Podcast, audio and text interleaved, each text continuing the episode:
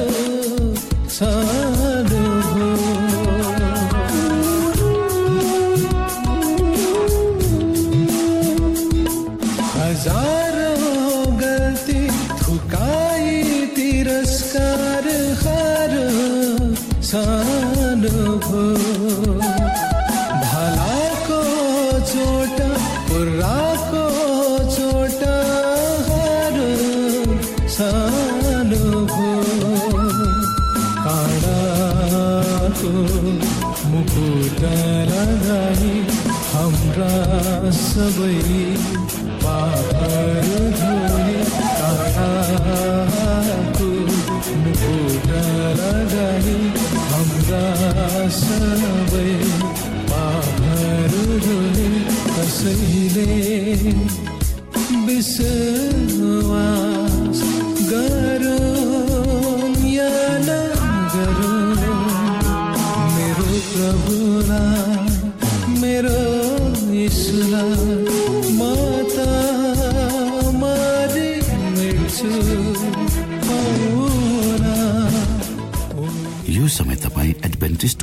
रेडियोको प्रस्तुति voice of hope आशाको बाणी कार्यक्रम सुन्दै हुनुहुन्छ। श्रोता मित्र यो समय हामी पास्टर उमेश पोखरेलबाट आजको बाइबल सन्देश सुन्नेछौ। श्रोत साथी न्यानो क्रिस्टि अभिवादन साथ म तपाईँहरूको आफ्नै आफन्त पास्टर उमेश पोखरेल परमेश्वरको वचन लिएर यो रेडियो कार्यक्रम मार्फत तपाईँहरूको बिचमा पुनः उपस्थित भएको छु। आजको प्रस्तुतिलाई अगाडि बढाउनु भन्दा पहिले आउनुहोस् हामी परमेश्वरमा अगुवाईको लागि बिन्ती राख्नेछौँ। जीवी जिउँदो महान दयालु परमेश्वर प्रभु हामी धन्यवादी छौँ तपाईँको पुत्र प्रभु यीशु क्रिस उहाँको महान प्रेम र बलिदानको लागि। यो रेडियो कार्यक्रमलाई प्रभु हामी तपाईँको हातमा राख्दछौँ। यसलाई तपाईँको राज्य महिमाको प्रचारको खातिर यो देश र सारा संसारमा तपाईँले पुर्याउनुहोस् ताकि धेरै मानिसहरूले तपाईँको ज्योतिलाई चिन्न सकेर तपाईँको राज्यमा प्रवेश गर्न सक्नुहोस्।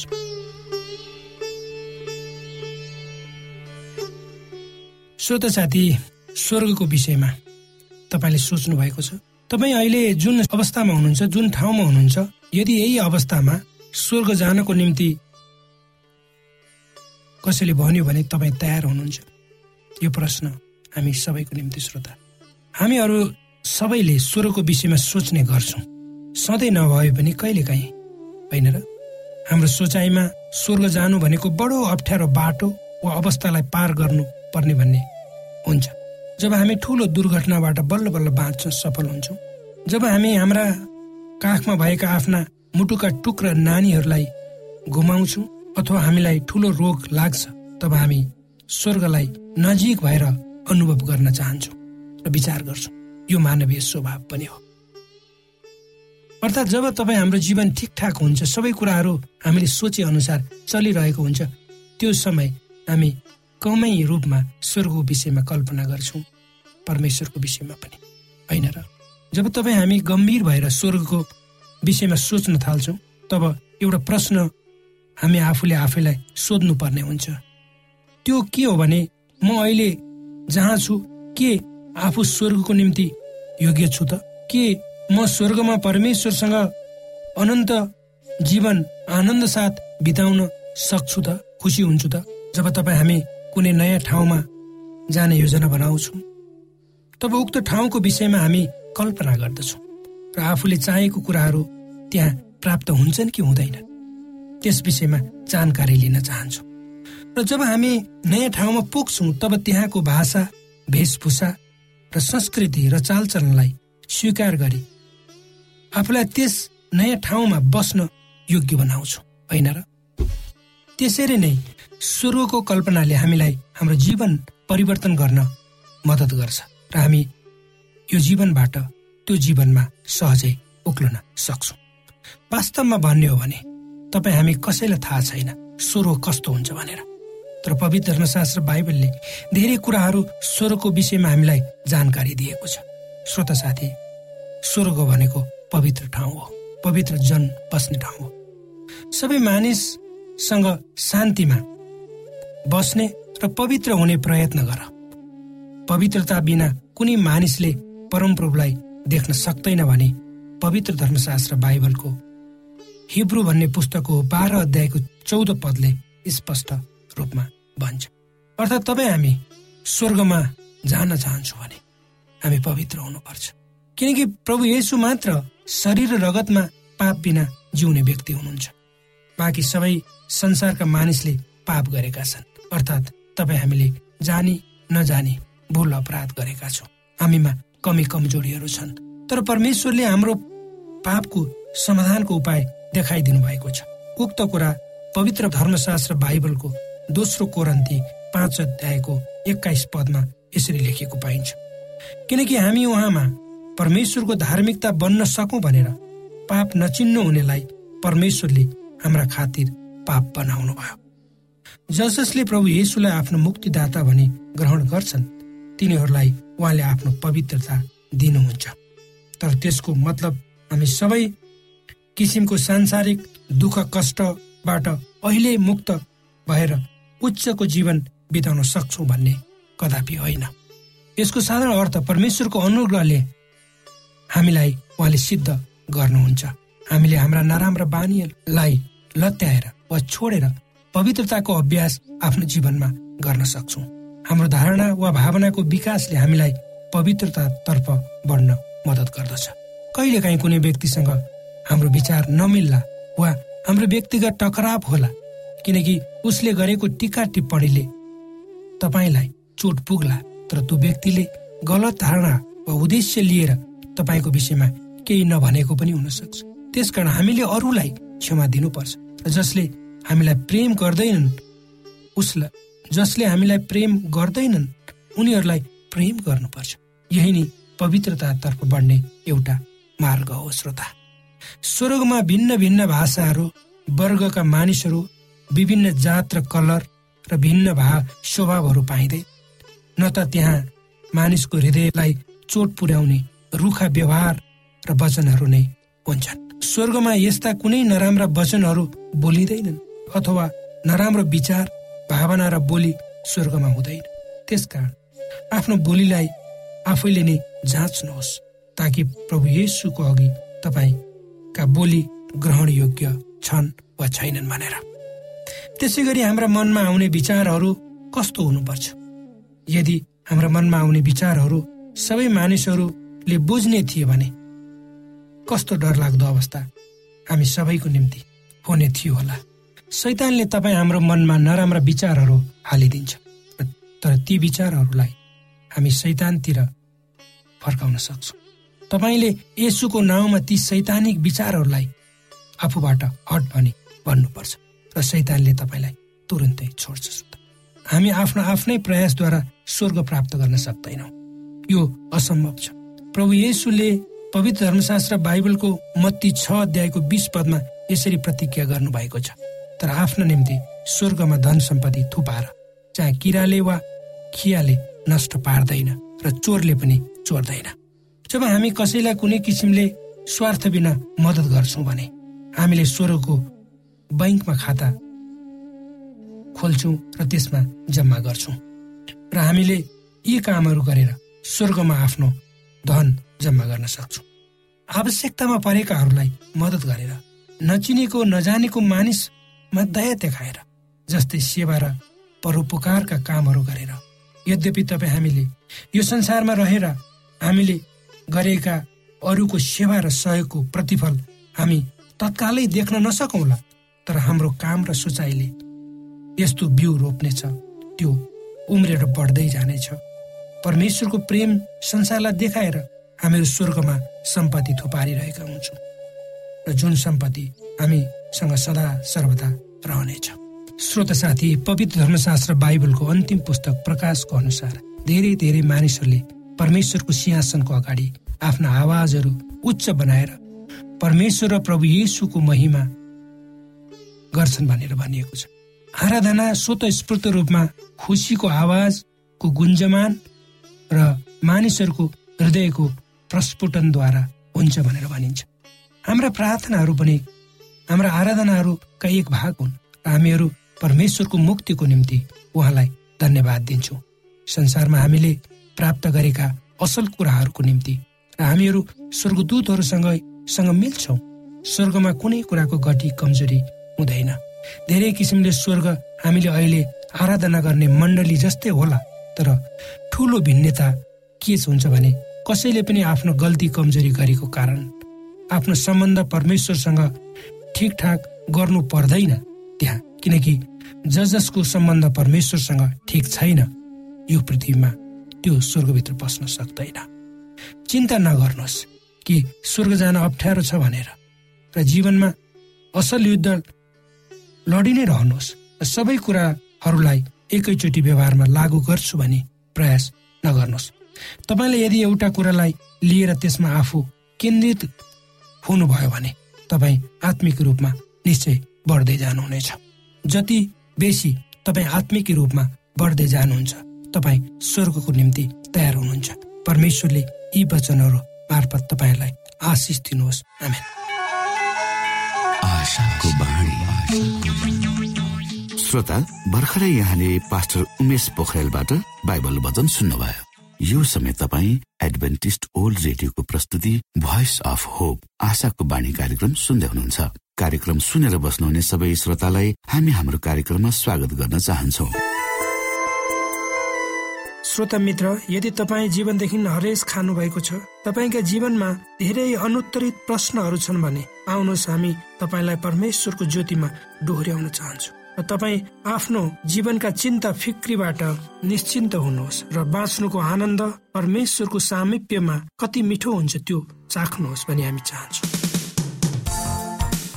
श्रोता यदि तपाईँ आशाको बाणी कार्यक्रमलाई अनलाइन सुन्न चाहनुहुन्छ वा डाउनलोड गर्न चाहनुहुन्छ भने डब्लु डट जानुहोस्। त्यहाँ तपाईँले प्रत्येक दिनको कार्यक्रम सुन्न र डाउनलोड गर्न सक्नुहुनेछ। हाम्रो वेब पेज यस प्रकार छ डब्लु डब्लु डब्लु डट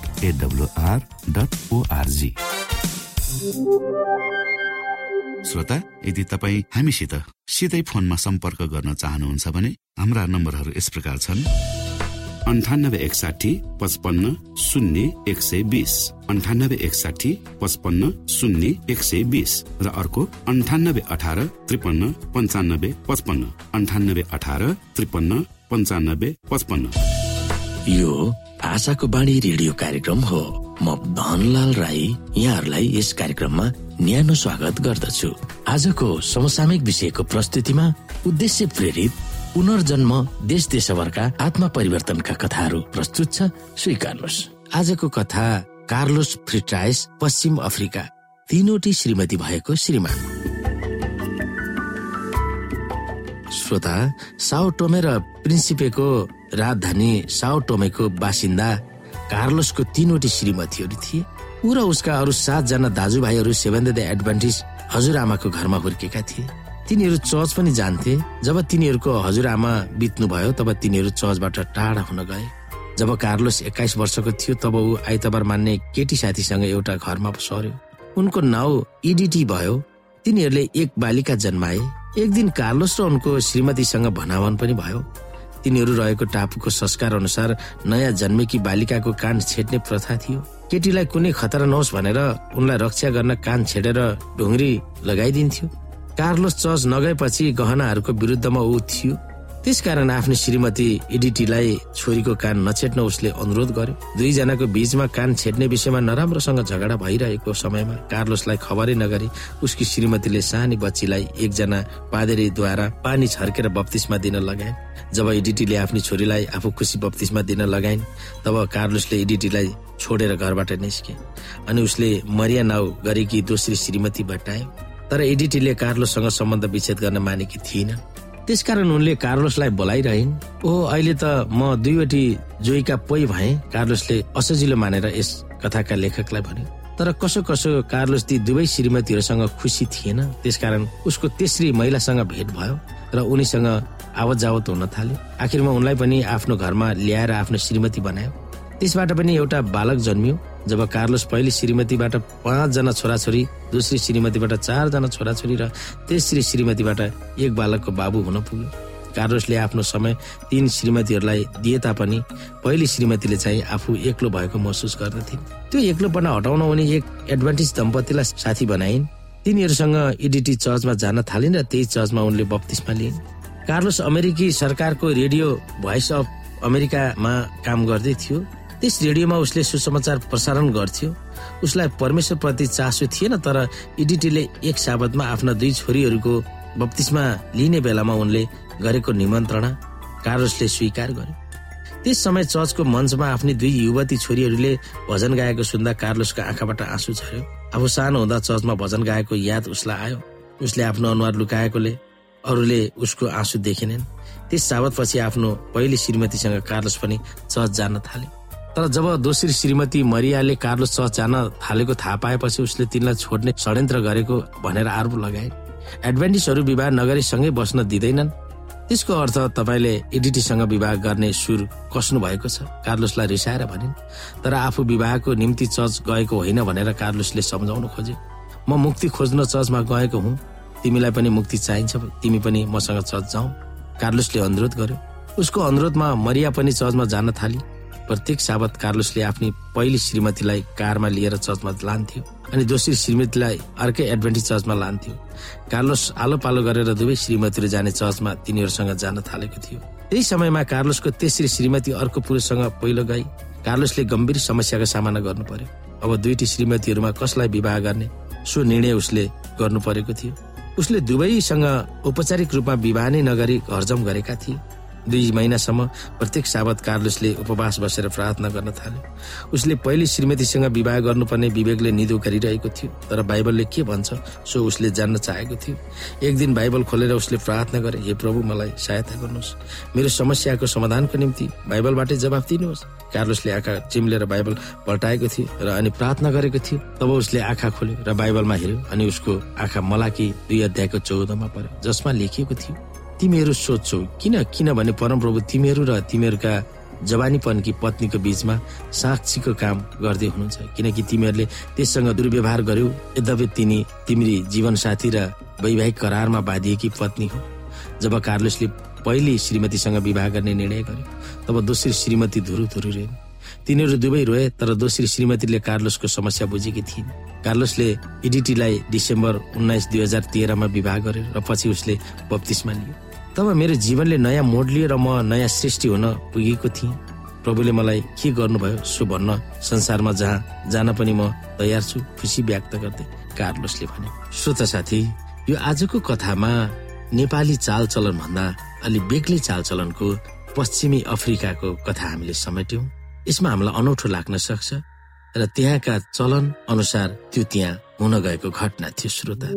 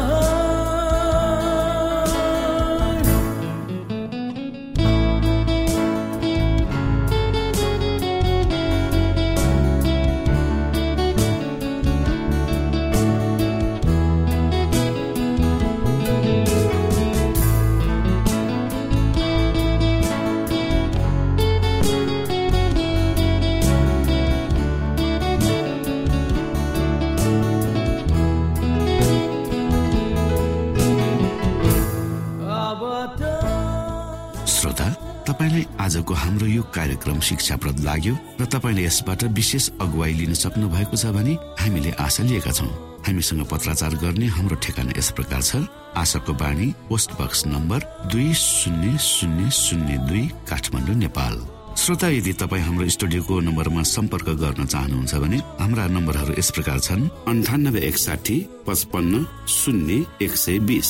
अन्ठानब्बे एकसाठी पचपन्न शून्य एक सय बिस र अर्को अन्ठानब्बे अठार त्रिपन्न पन्चानब्बे पचपन्न। अन्ठानब्बे अठार त्रिपन्न पन्चानब्बे पचपन्न। अवस्था श्रोता भोलि फेरि यही स्टेशन र यही समयमा यहाँसँग भेट्ने आशा राख्दै प्राविधिक साथी राजेश पास्टर उमेश पोखरेल र कार्यक्रम प्रस्तुता म रवि। यहाँसँग विदा माग्दछौ। नमस्कार।